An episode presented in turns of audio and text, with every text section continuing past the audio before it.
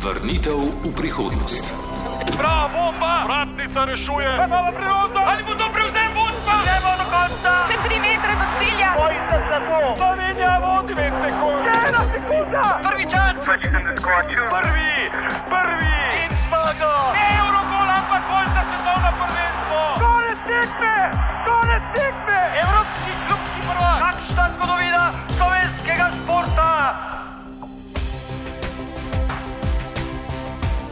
Radijski športni časovni stroj tokrat vrtimo v leto 2001, v zaključek domače nogometne sezone.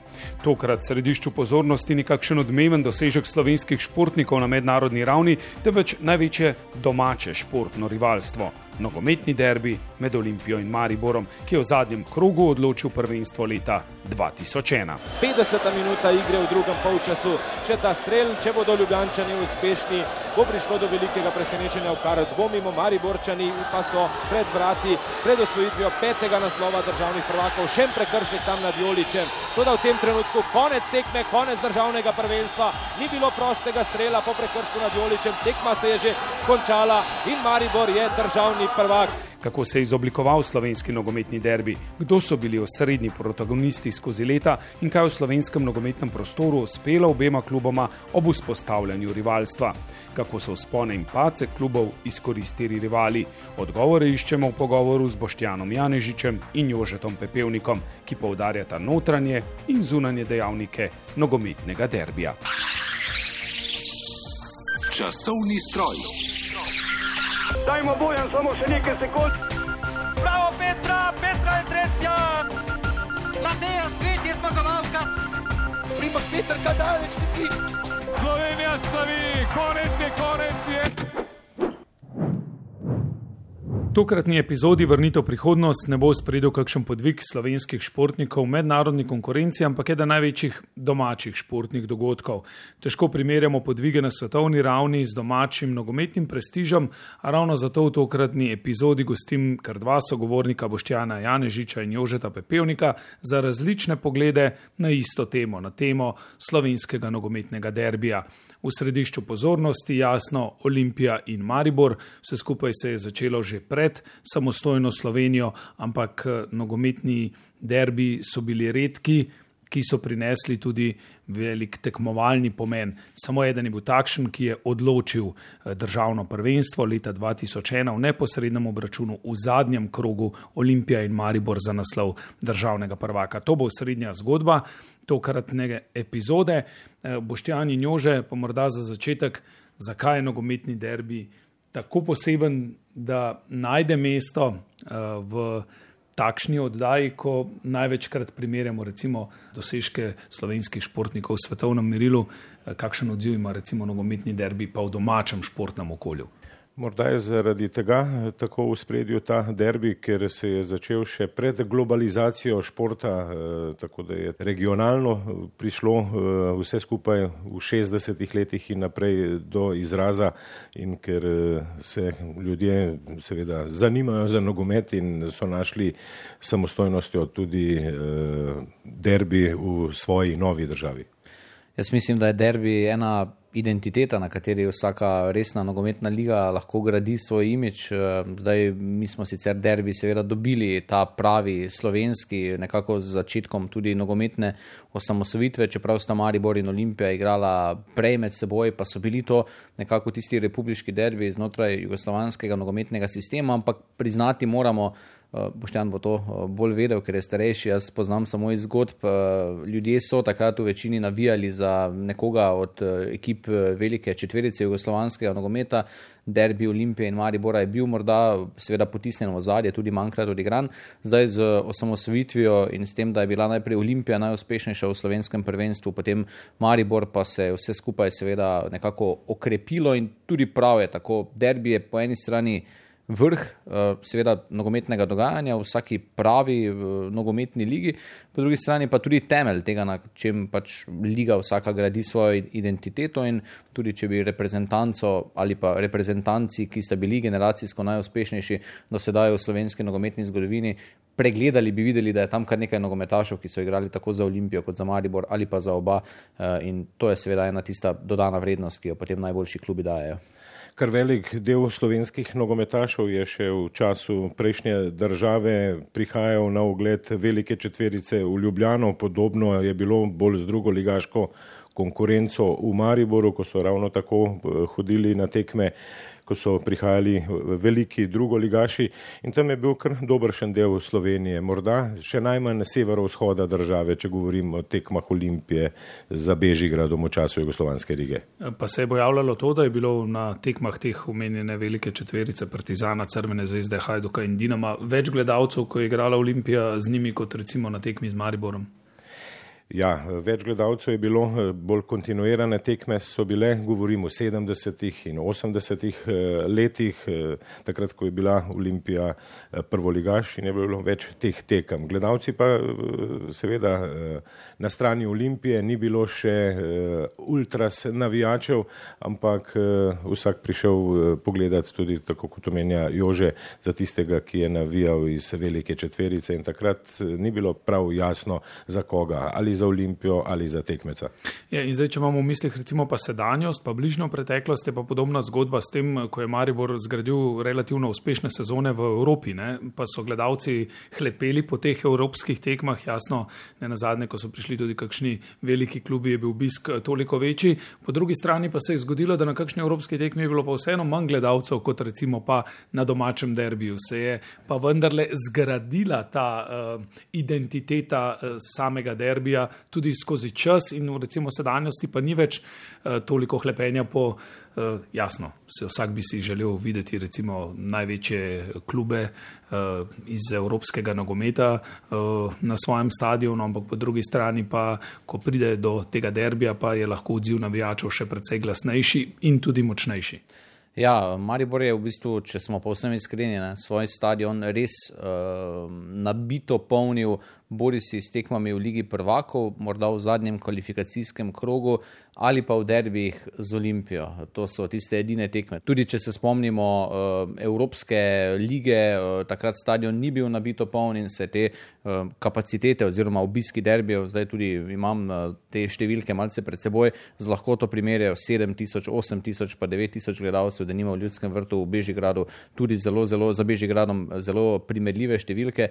Tako da ja, derbi je tisto, kar vleče. Nekateri bodo sicer rekli, da pač tako imenovani Glory Hunter navijači pridejo gledati samo derbije, ampak to je pač realnost, s katero se spopadata ne samo Maribor in Olimpija, ampak tudi številni drugi evropski klubi. Če primerjamo morda Celtic in Rangers, tudi pogosto ne napolnita svojih stadionov, ko pa je derbije, pa vse skupaj je razprodano ko omenjaš ravno Glory Hunterstvo, eh, ampak je občutek v tej novejši zgodovini, da so v Mariboru vseeno ljudje hodili eh, gledati Maribor. Eh, v Ljubljani pa je v Stožicah rekord obiska, ko je v Ljubljani gostoval Chelsea, kar precej tistih navijačev, Mariboru se je to zgodilo z Liverpoolom, da nimo z gostovanjem v Liverpoolu, precej tistih gledalcev je poznalo več nogometašev Chelsea kot pa Ljubljanske olimpije. Pa še ena stvar je, ne, Stožice imamo oziroma Stožice gostijo prvo ligaške tekme Olimpije od sezone 2010-2011 naprej, pa se je samo na eni tekmi zgodilo, torej, da je bilo približno 14 tisoč gledalcev, takrat maja 2016, ko je šlo tudi eh, za tekmo, eh, ki je odločala nekako posredno naslovo prvaka.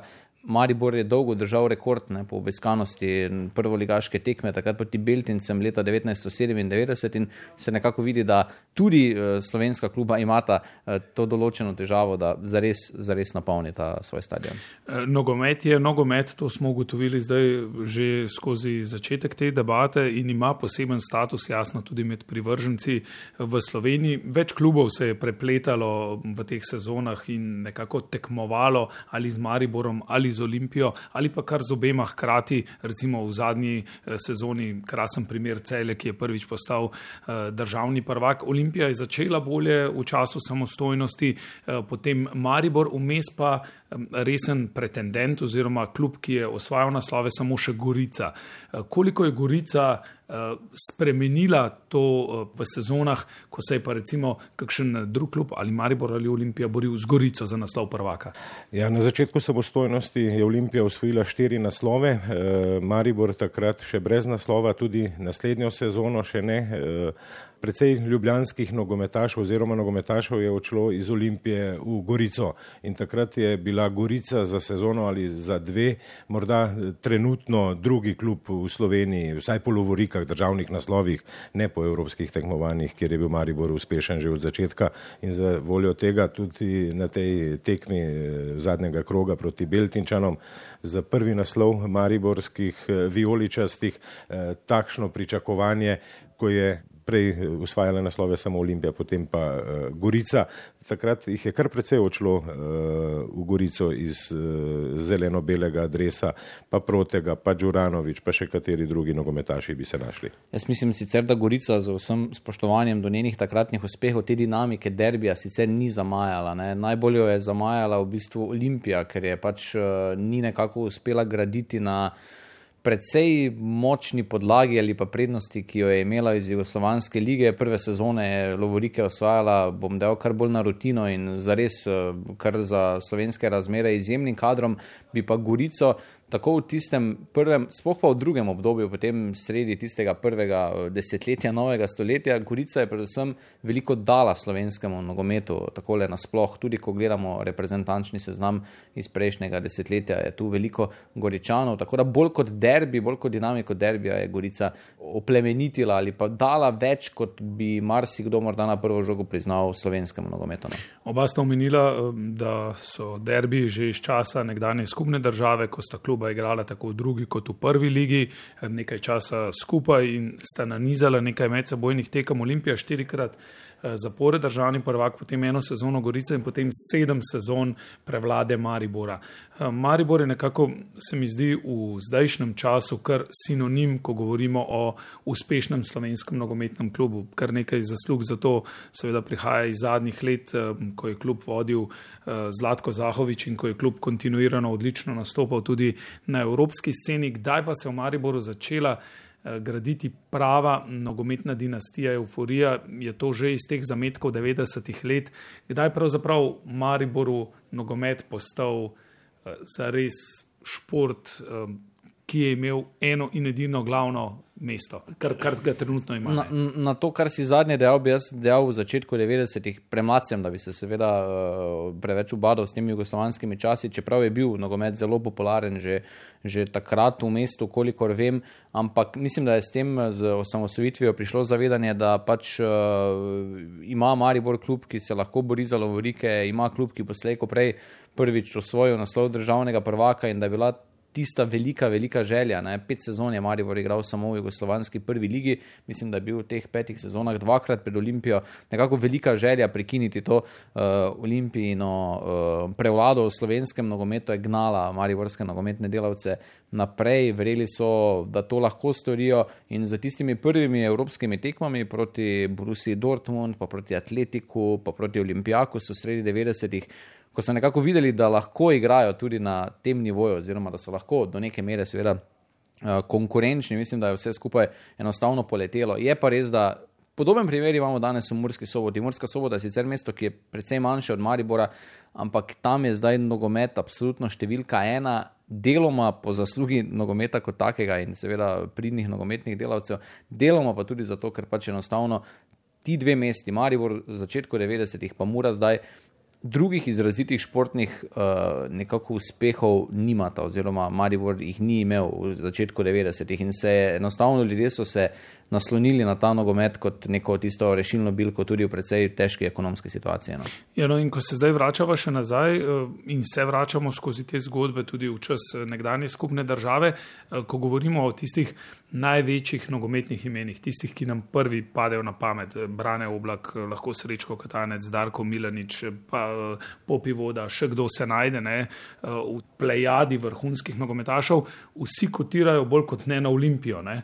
Malo je tistih, da bi že iz časov pred osamosvojitvijo, ko je Jože zdaj govoril o gradni neke identitete mesta in ne na zadnje navijačev kluba samega, se pa ustvarilo v Mariboru. Torej je bilo precej v korist Olimpije, ko govorimo o gradni nogometa v mestu pred začetkom samostojnosti. Ker je bila Olimpija eh, tiste najvišji rangirani jugoslovanski klub, ki je zastopala Slovenijo, pa Vili Amrška ne gre izpustiti še najboljšega streljca na večnih derbih, ampak tudi v Mariboru so bila imena, ki so vlekla Arnejčič, Breber, Prosem, Vabič, že prej Simeunovič, pa Kranc, tako da se je. Uh, štajerski živelj znal identificirati, eh, ne na zadnje v Mariboru, tudi dve veliki aferi okrog nogometa. Najprej afera Žoga, da je sploh nastal branik, pa potem še afera Driska, tako da Maribor ni začel zmagovati in vleči ljudi na stadion šele leta 97. Omenili smo prej veliko četverico, morda se malo podcenjuje, zdaj Olimpija in Maribor sta bila morda bolj. Um ne bom dejal gledalca, ampak eh, dejal bom v tej bitki za visoka jugoslovanska nogometna mesta predvsej nepomembna, če smo čisto iskreni. Ampak eh, veliko pa sta dala vendarle eh, ali pa vsaj ponudila minutažo, priložnost nekaterim nogometašem, ki v bolje rangiranih jugoslovanskih klubih je te niso dobili. Boštjanih je nekaj že omenil, zdaj Brane Oblak je najbolj svetel primer tega, ne, torej nogometaš Olimpije, ki je potem naredil veliko kariero in veliko dal jugoslovanskemu nogometu.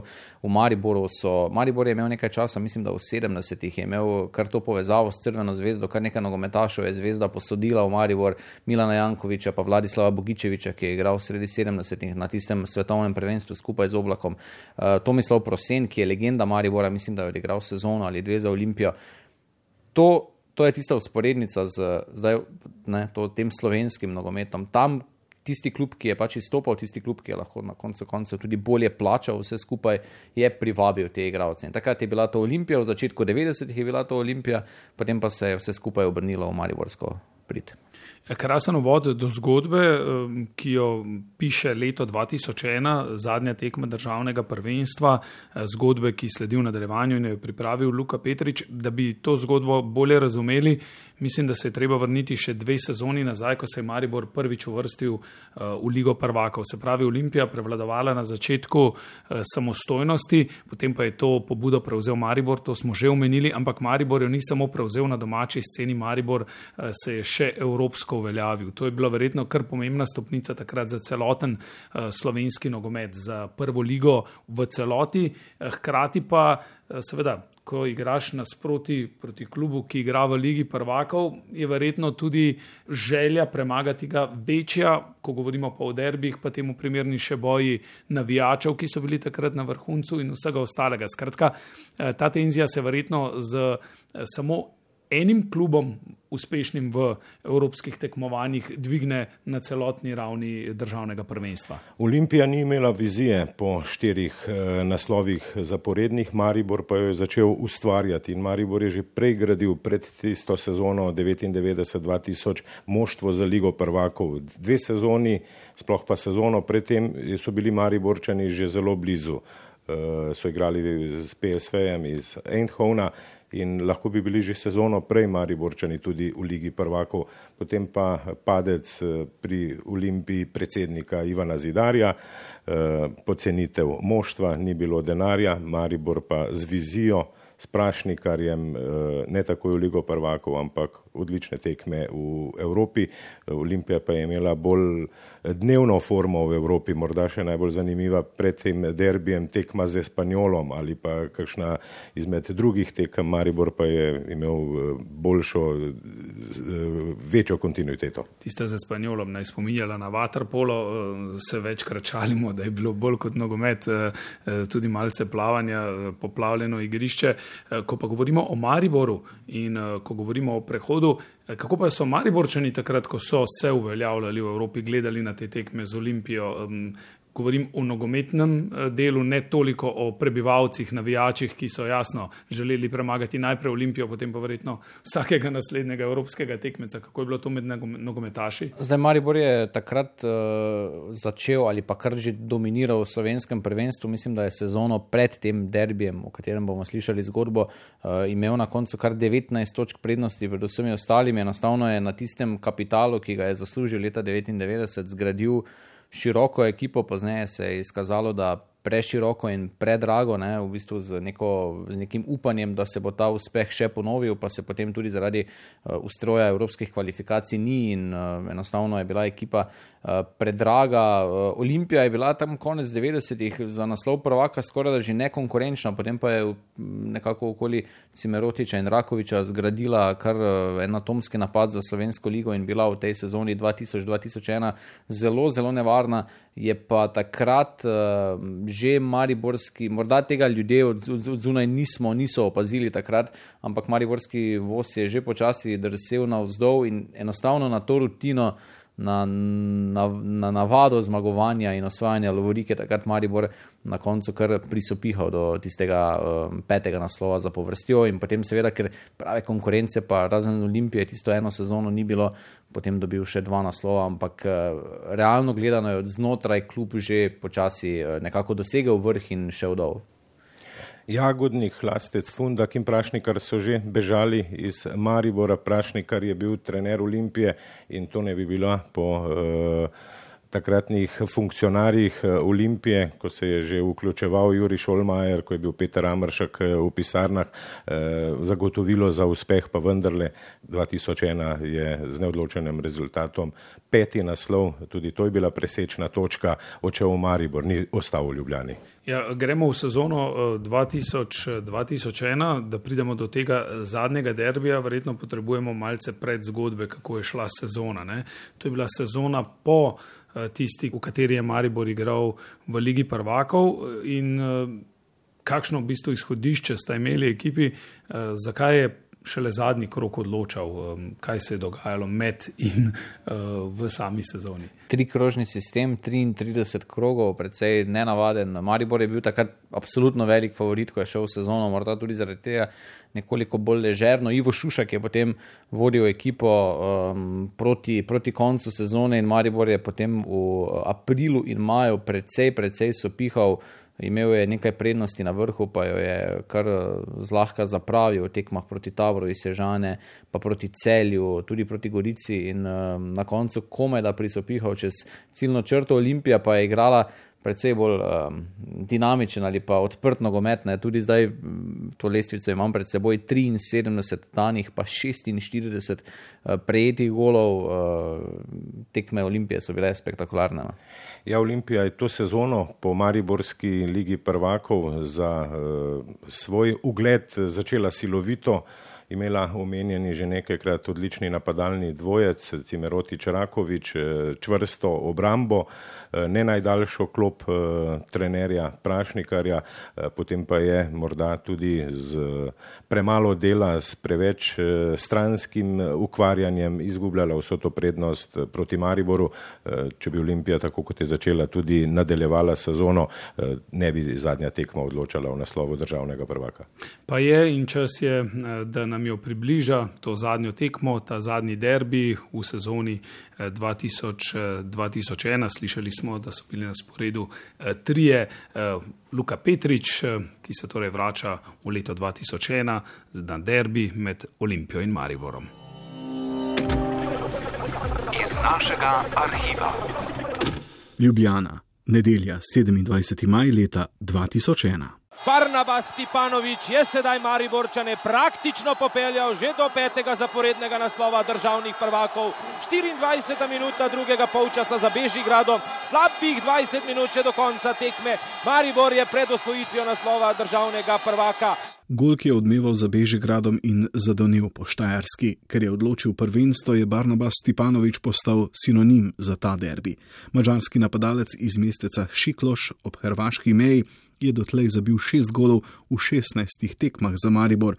Pred tekmo pa ni dvomil o tem, da bo on mož odločitve. Stepanovič je, je pred tekmo rekel, da bo on to rešil. On je bil tako bolj, bom rekel, bojem se še danes. Uh, on je pač rekel, jaz bom dal gol mimo, tole, to dobimo, pa gremo pa spet en bambus. On je bo živel bambus, deci, deci z refoškom, skoga golo.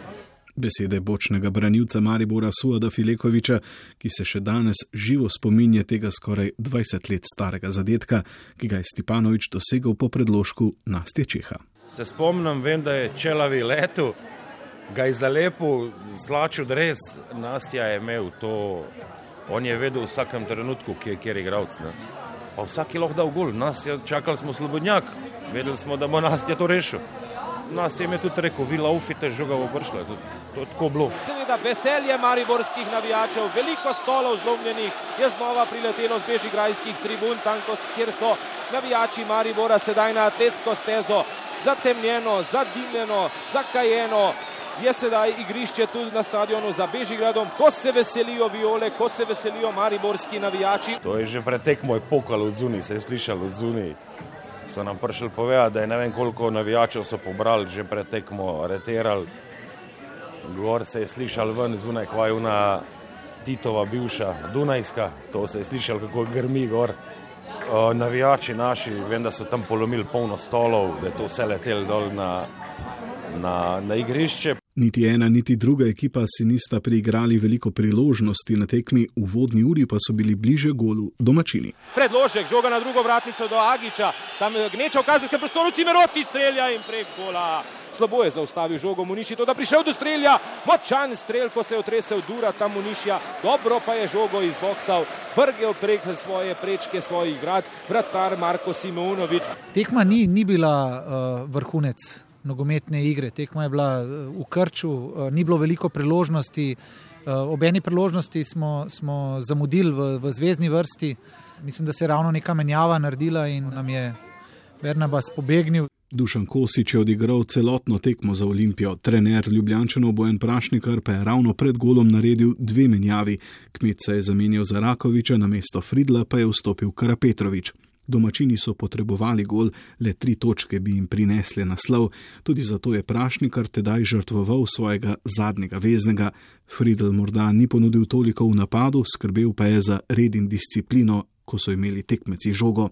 Ta menjava je bila v 67 minuti, Stipanovič je zadev v 70, Cimerotič pa je izenačil v 80. Sebastian Cimerotič, kdo drug, 19. gol in ena proti ena, Olimpija Maribor. Cimerotič je dobil žogo, 10 minut do konca tekme, podaja z desne strani, z prve je streljal z kakšnih 11 metrov, ena proti ena je. Olimpija rabi še gol za naslov državnega prvaka. Cime je takrat bil nor, nor, noro igral, to je bilo neverjetno. Zdaj, kdo ga bo čuval, na kateri strani bo, mi smo se pač igralci tam med sabo pogovarjali. Uh, Šušak je pač rekel, fanti, zmenite se, takrat je Stipe Balajč se je že vrnil v Brambo. Mi smo se pač zmenili, na kateri strani bo se ga prevzemali. Jaz sem bil na boku, Cime prišel in sem ga lepo prosil, če gre na drugo stran. Ne. Cimerotiča je kriv eden najizkušenejših v taboru vijoličastih, Stipe Balajč. In da se mu je sam drl, Cime, ko dobiš žogo, pazi se, jaz sem tu. Stipe se cel cel držal, pazi se, tu sem. Samo sen je pol Cime vzel žogo, ne. Pa je vrgo enega, pa drugega, pa mislim, da je še Simko prediblo, oziroma da v gol lagano. Sem si zapomnil, da sem uspel Cimetu asistenco uh, podati in do tiste momentu sem rekel, mo, mogoče pa bo, gremo, da neko energijo dobiš. Ne? A jim ni uspelo, Maribor je suvereno zadržal prednost do konca in znova postal državni prvak. 50 minuta igre v drugem polčasu, še ta strel, če bodo Ljubljančani uspešni, bo prišlo do velikega presenečenja, v kar dvomimo Mariborčani, pa so pred vrati, pred osvojitvijo petega naslova državnih prvakov, še prekršek tam nad Joličem. Toda v tem trenutku konec tekme, konec državnega prvenstva, ni bilo prostega strela po prekršku nad Joličem, tekma se je že končala in Maribor je državni prvak. V taboru Olimpije seveda razočaranje, večji del prvenstva je bila Olimpija na prvem mestu, Sebastian Cimerotič ni šlo. Ni šlo, ne. Maribor je pač imel eno šanso, je izkoristil in potem držal ta rezultat do konca tekme. Mi smo dali pač gol, drugega smo iskali na vsak način, pač nam je zgleda sreča zaprla vrata. Ivo Šušak je tvorec uspeha Maribora v letošnji sezoni. Danas su igrači Maribora Pivovarne Laška pokazali štajersko srce i mislim da to je bilo dosta na zmag. Nastja Čeh, torej naslov sedaj tudi v dresu vijoličastih, v dresu vaše domače ekipe. Ja, mislim, da smo zasluženo to naredili po nekaj kiksi, ki smo jih naredili v gosteh, predvsem v taboru. In sedaj ta zadnja tekma, mislim, da smo dokazali, da smo prava ekipa in da si zaslužimo ta peti naslov. Stipe Balajič je tisti, ki se je zadnji prenehal veseliti s svojimi violami, to da veselja za danes zagotovo še ni konec. Seveda, da ni. In res ga ni bilo. Na koncu je bilo pa norišnica. Na koncu pa smo zmagali, mi smo bili že 15 minut, še 20 od zunaj. Uno navijači, eni so jokali, eni so se smejali, skakali. Je bilo res, je bila top navijaška, takrat kulica za še stari Bežigrad. Je fajn grmel dol na igrišče. Ja. Precej drugače pa je bilo v taboru Olimpije. Spomnim se, po tistem porazu smo se razšli, domov smo šli vsak po svoje. Žalostno, čeprav danes, ko gledam tudi drugo mesto, nekaj šteje, kaže na neko kvaliteto, ampak v tistem momentu se ti svet podre. Če ti uspe, si pomemben, če ti ne uspe, si pač uh, upisan v zgodovino kot loser. Uh, in s tem je treba pol tudi živeti, tudi kot igralec. Ne? Ko ti nekaj takega ne uspe, je, je potrebno se pobrati in uh, poizkušati naprej. Kosič je svoj vrsten obliž na tisto rano doživel letos, ko je kot trener celja ravno proti svoji nekdanji olimpiji s točko v zadnjem krogu usvojil svoj krstni naslov prvaka. Filekovič je osvojil zadnje štiri od sedmih zaporednih naslovov Maribora, ta peti, ki so si ga vijoličasti zagotovili za Bežigradom, pa je bil simboličen. Ne le, da so ga osvojili na stadionu svojih največjih rivalov, Mariborčani so se tedaj odlepili od Olimpije na večni lestvici in v prihajajočih letih to prednost le še utrjevali. Vrnitev v prihodnost. V zgodbi, ki jo je pripravil Luka Petric, smo slišali tudi nekaj akterjev, ki se zdaj z distance spominjajo na te dogodke, vsak na svoj način. Te spomini so vselej zanimivi, tudi recimo pri novinarjih, ki se pogovarjate z temi nogometaši. Jože, ti si imel priložnost, ne, da si ujel en tak spomin, verjetno zelo barvit. Ja, Suat Filikovič je bil krasen sogovornik.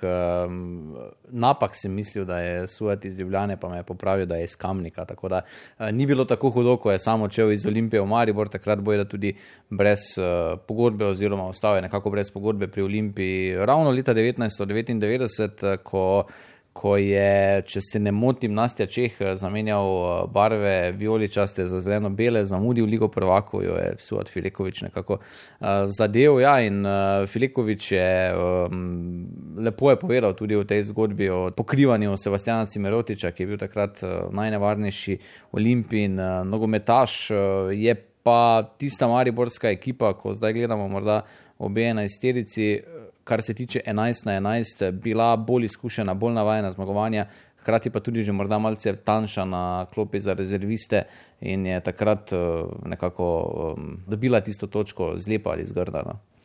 Ja, Nastja Čeh je v karieri se ravno odločal napak v tistih časih okrog prestopa, ampak Nastja Čeh je zaznamoval ligaški del slovenske nogometne zgodovine, ampak drugi, manjši, manj znani, so nekako bolj sodili v kolektiv kot pa Nastja Čeh, ki se je potem iz Ljubljane vrnil v Maribor, ampak spet potem, tako je že konec evropske sezone po prvi tekmi z moldavskim Zimbrujem, uh, tako da so bile te njegove odločitve napačne, ampak uh, je pa ljubljenec.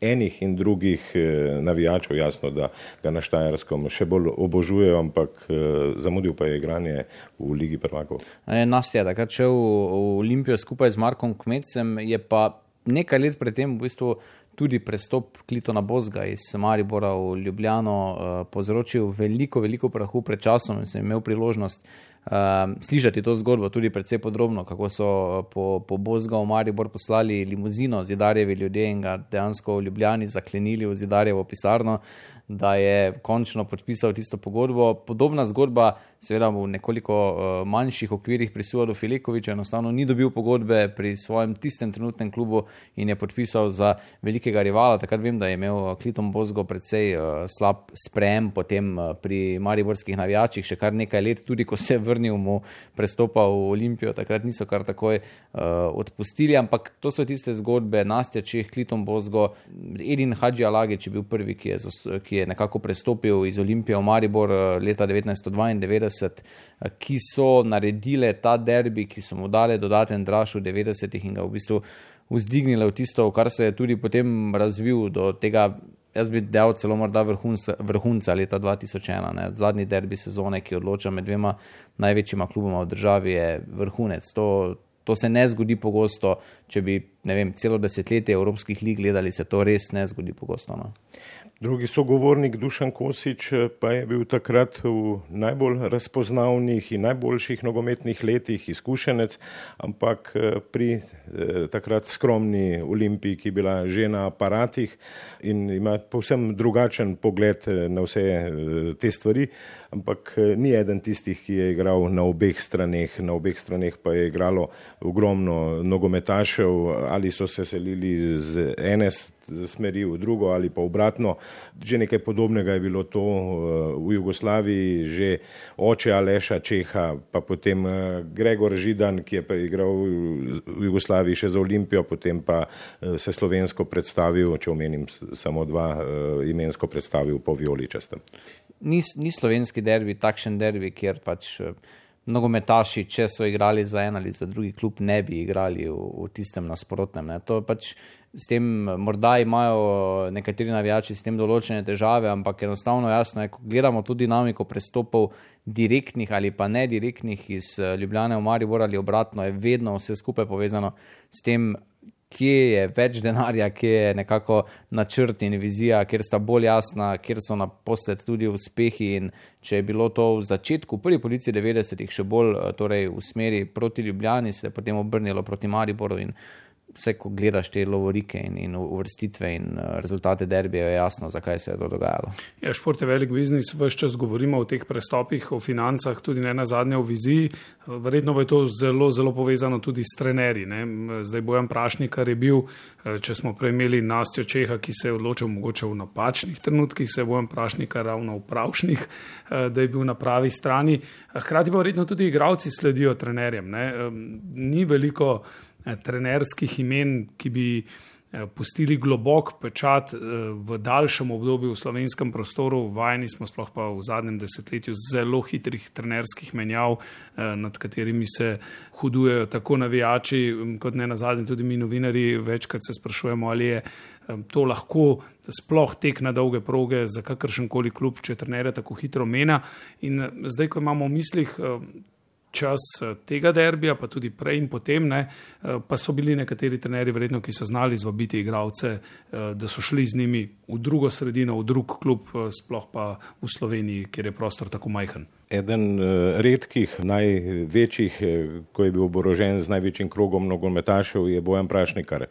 Tudi kasneje, ko je bil trener že na Cipru, je kar lepo slovensko četo peljal eh, tudi na Cipr in jasno ob njem tudi prestopi z uspehi je lahko zvabil na svojo stran uh, nogometaše, ki so mu sledili. Uh, Brane Oblak na drugi strani pa vsem drugačen. Uh, Ni se želel upletati v športni del kluba, bil je samo trener, tudi malce ignorantski in uh, zato mu kasneje potem tudi niso v nedogled sledili. Jaz mislim, da ehm, kar, ne bom dejal, da podcenjujemo, ampak eh, ta prava vrednost eh, dela, ki ga upravi Bojan Prašnik, kar najprej pri Olimpiji, pa potem pri Mariboru, se bo morda eh, poznala ali pa se bo morda priznala šele čez, čez nekaj časa. Enostavno zdaj, ko človek gleda nazaj, se čudi, zakaj so pri Olimpiji v, bistvu v tistih prvih letih, ko so osvajali naslove, v bistvu, mislim, da najprej z Lučom Pertičem, pa potem z Brankom Oblakom in, in z Bojanom Prašnikarjem, zakaj so tako hitro menjavali v bistvu trenerje in, in neke usmeritve. Pri Mariboru je bil najprej Prašnikar štiri leta, pa potem vmes to sezono pri Olimpiji in potem se je vrnil v Maribor, ampak če kaj, potem je ravno primer uh, torej tega sodelovanja Zahovič Milanič v zadnjem obdobju pri Mariboru pokazal, kako pomemben je za tak evropsko sorazmerno gledano maj, majhen klub to, da imaš neko vizijo in nekega trenerja, ob katerem ustrajaš in, in mu nekako v navednicah držiš tango, tudi ko ne gre. Ne. In eh, to je ta, ta, to rokohitrstvo pri menjavah trenerjev, je že marsikatero potencijalno uspešno zgodbo v Sloveniji uničilo. No. Tukaj prednjači Olimpija, že v zidarjevih časih je bilo potrebno. Tako kot je ukazal menjavati trenerje, Jože jih je že omenil, potem nekaj še dalmatinskih strokovnjakov, Nadoveza, Pakovačič in vsako leto drug trener v Ljubljani, eh, Mandarič, eh, pa menjuje še pogosteje. Še en skupni imenovalec Maribora in Olimpije ali pa tega derbija skozi celotnih, teh zdaj že 60 let skoraj je, da sta skoraj vedno ali pa v veliki, veliki večini primerov kluba vedno zaupala Borisi domačim, Borisi strokovnjakom z področja nekdanje Jugoslavije. Enostavno sta tako zelo ostala vezana uh, oba na to jugoslovansko področje, da je zdaj, mislim, da Mauro Kamarenizi je prvi ne v navednicah jugoslovanski trener Maribora v zgodovini kluba. Uh, Olimpija jih je imela nekaj sicer izven, izven meja te bivše skupne države, ampak, ampak za vzorec. No, in, in večinoma gre tu za, gre tu za to trenerstvo oziroma za, za to navezavo na te prostore no, oziroma na ta prostor. Eh, če gremo še k zunanji motivaciji, 2001 prav posebna, eh, za katero bo skrbel časnik, še vedno srednji slovenski športni časnik. Ko smo zjutraj pred odhodom v Ljubljano, ko smo videli ekipo, ne, časopis na prvi strani, ekipa Olimpije, lepo proslavljajo, imajo pokal pred sabo, da so že prvaki. Konec je, mi smo prvaki, pokal se vrača domov. Ne. Tu je bilo jasno vse. Tu je uh, šušak, Ivo ni rabo, kaj veliko govoriti. Mi smo vse vedeli, za kaj se gre, fanti smo se pogledali, smo rekli, to je to. Izvolite, gremo na igrišče, pa da vidimo. Ne.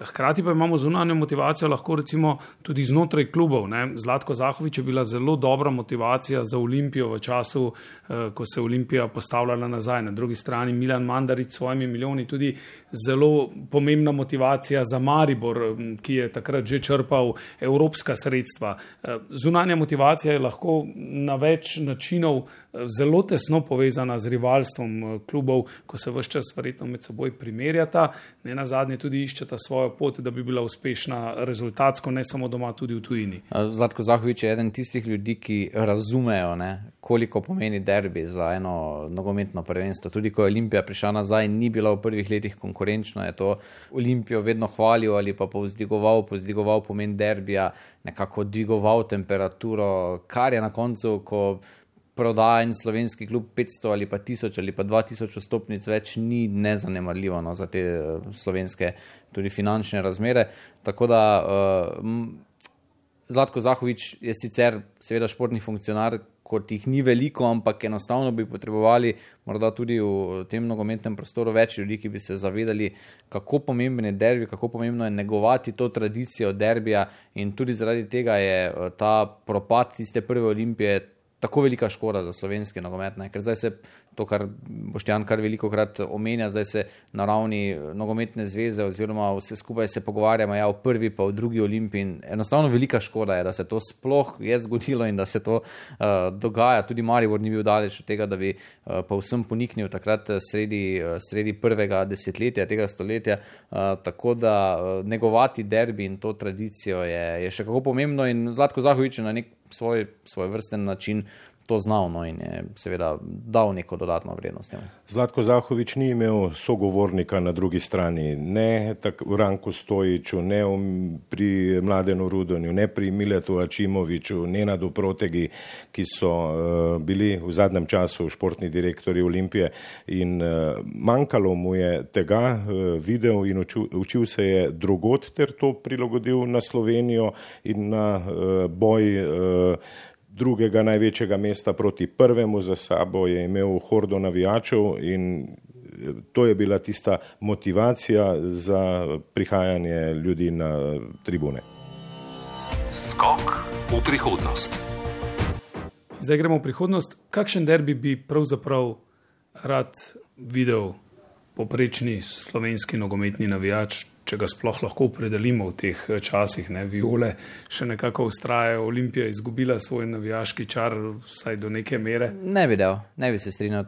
Čeprav z Mariborskega zornega kota, ampak eh, priznam, da v zadnjem času, eh, če govorim samo o navijaških skupinah, so morda viole.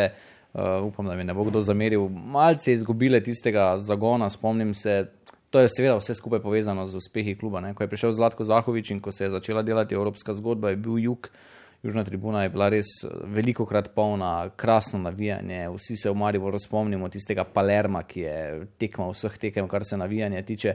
Zdaj v zadnjih letih, ko pa so ti uspehi morda malo izostali, pa je tudi, tudi ta navijaška stran morda malce oplahnila, pri Olimpiji pa.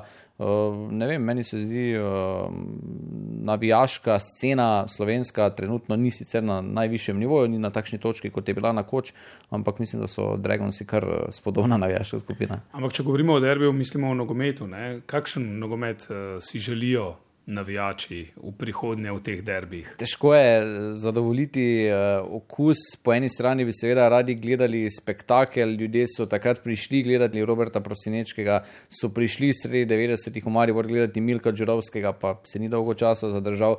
Po drugi strani pa vse vemo, ne, očitamo Olimpiji, da, da nima v enajsterici treh, štirih, petih slovenskih nogometašov. Zdaj se to malce popravlja, če sem povsem iskren, ampak še nekaj sezon nazaj je bil uh, Nec Vidmar, včasih edini slovenski nogometaš na igrišču pri Olimpiji. Tako da, kaj pa vem, no, mislim, da vseeno nekako je avtomatsko, če bo sta kluba konkurenčna v evropskih eh, kvalifikacijah, potem bo vse skupaj tudi se poznalo na derbiju. Mislim, da je bil tiste tri sezone 2016, 2017, 2018, če primerjamo z zdaj, trenutnim stanjem, je bila ne samo Olimpija in Maribor, da sta bila na najvišjem nivoju, ampak da je bil tudi kakovost derbija bila takrat na najvišjem nivoju. Če še kar nadaljujemo z navijači, eh, ampak niso glavni eh, kamenček dobre nogometne predstave, ko jih Jože omenja, Green Dragon se, so se spet začeli dvigovati pod Mandaričem, ko je Rastoder pozabil na njih.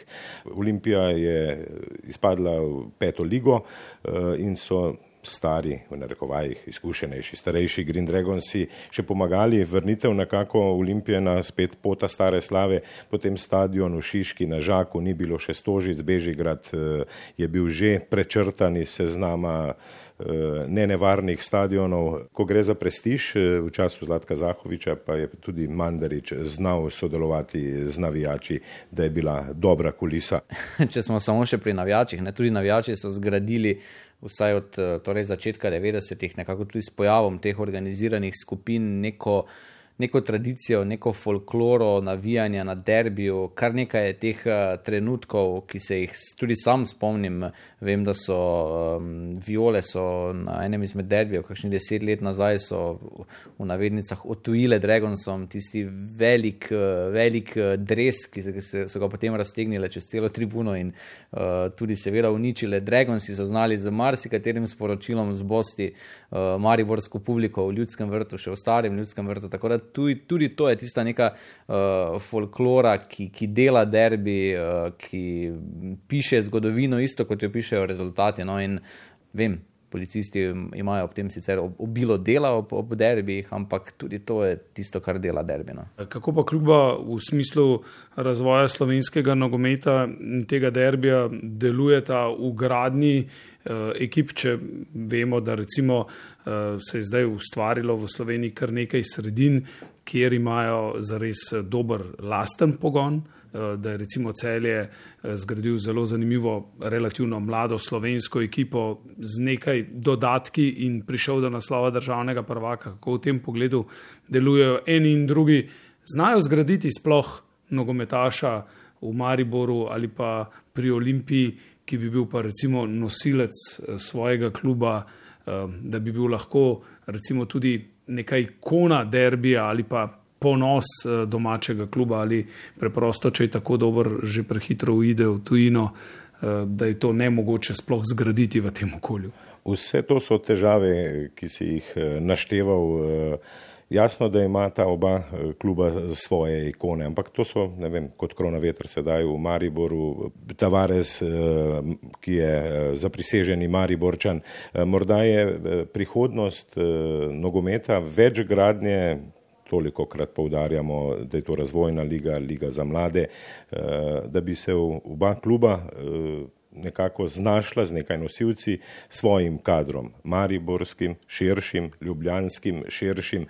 Čudi me, da ne hodijo na Slovana in uh, v druge okoliške klube, pa v Ljubljano, pa na Bravo, eh, vsi ti veliki olimpijni menedžeri, ampak eh, imajo povsem drugačno eh, plačilno politiko s tujci škodljivega slovesa. Tako bi morda, če bo korona kaj v tem primeru dobro došlo, posredovala za kakšen padec eh, nogometnega evra, da bi bilo potreb, eh, potem se obrniti v svoj lasni kader, pa če ne tudi iz Branika in iz Bežigrada Stožic, ampak vsaj malce širše v svoji medobčinski nogometni zvezi. Ja, tako je, ne. vse skupaj je tudi povezano z denarjem. Vemo, Maribor je najbolj vlagal, največ eh, minutaže dal v prvi ekipi s svojim lastnim fantom, takrat, ko enostavno denarja ni bilo, ko so prišli skozi Bačinovič, Kolnik, Mihelič, eh, še številni drugi in so se tudi nekateri razvili v zelo dobre nogometaše. Uh, ko pa ima kljub kot tega trenutno, da nima Maribor dovolj denarja ali pa Olimpija, ki jo pač napaja Mandarič, potem je to zelo, zelo težko. Hkrati pa tudi, kar se mladinskih šol tiče, ima ta kluba zdaj v zadnjih desetih letih to dodatno težavo, ker so enostavno usklile pa vsod po Sloveniji in to, to ni samo v Sloveniji primer. Enostavno neke samostojne nogometne šole, ki, ki bolje morda delajo s temi mladeniči in marsikateri starš eh, raje otroka odpelje, ne vem, v Bravo ali pa v Kidričevo ali pa kam drugam, kot pa da bi ga takoj nekako postavil pod to breme uh, nogometne šole, bodi si Olimpije, bodi si Maribora. In ko govorimo o prihodnosti, ne na zadnje tudi derbija in slovenskega nogometa, morda samo še eh, zaključno sklepna misel obeh. Uh, Olimpija in uh, Maribor, uh, glavna protagonista slovenskega nogometa tudi v zadnjem obdobju, uh, lani izgubila troboj s celjem. Zdaj filozofija enega, drugega, tretjega kluba, vsak ima drugačno zakulisje, Boštjan je že omenil, menedžer je omenil je eh, denar, ki ga prinaša Mandarič, ne na zadnji, na drugi strani evropsko zgrajen Maribor, prav tako svojo vizijo. Se sploh lahko ta dva kluba spogledujeta s tem, kar prinaša okolica? Zdaj, eh, če celje usvoji naslov, je verjetno nekaj naredil prav. Če je Mura lahko konkurenčna v zadnjem obdobju, nekaj dela prav. V teh dveh klubih sploh gledajo, kaj počnejo drugi ali je ta samozavest in pozicija v slovenskem nogometu tako močna in tako visoka, da pravzaprav to sploh ni pomembno. Videti je tudi in razvojno deluje tudi, da v Šiški pri Bravo delajo dobro, ampak eh, največja protagonista se ne ozirata po teh eh, smernicah, vsaj sedaj še ne, eh, ko temu ni potrebno. Gledata drug na drugega, bila sta državna prvaka, večkrat Maribor, na račun slabih iger večnega tekmeca. Eh, in hitro je bilo tudi eh, razmišljanje, da je celje se najbolje znašlo med korono in sta odpadla tako Olimpija kot eh, Maribor. Upam, da bo kakšna bolj delovna, ustvarjalna, prava vizija pri obeh največjih slovenskih protagonistih, ampak ne gre pozabiti, da so pa ljudje zelo, zelo privoščili celskim nogometašem, da se zgradnjo z normalnimi plačami eh, da priti do naslova državnih prvakov, kar sta Olimpija in Maribor, Maribor in Olimpija leta in leta zanemarjala. Primer celja je primer, ki se bo vsake toliko pač zgodil v slovenskem nogometu. Zdaj, Domžale, ne, ja, s tem seveda ne. Tako pa enkrat vmes, ja, ampak drugačna vizija. Ne želimo povedati, da je to na ključno, ampak enostavno Olimpija in Maribor sta skolikor toliko pametnim uh, poslovanjem in, in, in uh, vodenjem kluba ostala Olimpija in Maribor. In, uh, v interesu vseh je, ne, seveda, da tudi ostaneta, oziroma da ne bo takšnih težav, kot smo jim bili v preteklosti, že priča in da ostaneta, morda, če ne že razvojno gledano, gonilna konja slovenskega nogometa, pa vsaj rezultatsko gledano, ko govorimo o tem, o tem prehodu iz slovenskega v, v evropsko nogometno okolje. Seveda pa Olimpija in Maribor sta pa velik motiv za klube, kot so Mura in Celje in Koper, da nimo in vse ostale, da se jima skušajo približati. Začeli smo o veliki jugoslovanski četverici, kaj eh, podobno verjetno morda lahko upamo, pričakujemo, da bi se zgodilo tudi v Sloveniji, da bi bil to lahko razvoj, ne, da so to že položeni eh, temelji. Eh, Mura je morda še tukaj v prednosti tako pred celjem kot pred Koprom, da bi lahko brez državnega naslova, z dvema pokalnima, eh, z dobrim delom, zaledjem, denarjem, pametnimi ljudmi, eh, s hordo navijačev eh, prišla vem, vsaj eh, na tretje mesto po naslovih prehitela, če bi se spet pogovarjali čez 10-15 let, eh, Gorico. Hvala obema za klepet v tokratni epizodi Vrnitve v prihodnost. Derbi je bil postavljen središče pozornosti, še posebej tekma leta 2001, tekma, ki je odločila naslov državnega prvaka, kaj bo odločilo naslov državnega prvaka v prihajajoči sezoni, še ne vemo, začela se je turbulentno in zelo pestro, brez kakšne prevlade, kakšnega moštva, eh, morda pa to prinese znova prihodnost. Tokrat eh, smo se torej posvetili nogometnemu derbiju, naslednja epizoda sledi čez teden dni. Vrnitev v prihodnost. Mislim, oprostite vse skupaj, ampak bom drugič kaj več povedal.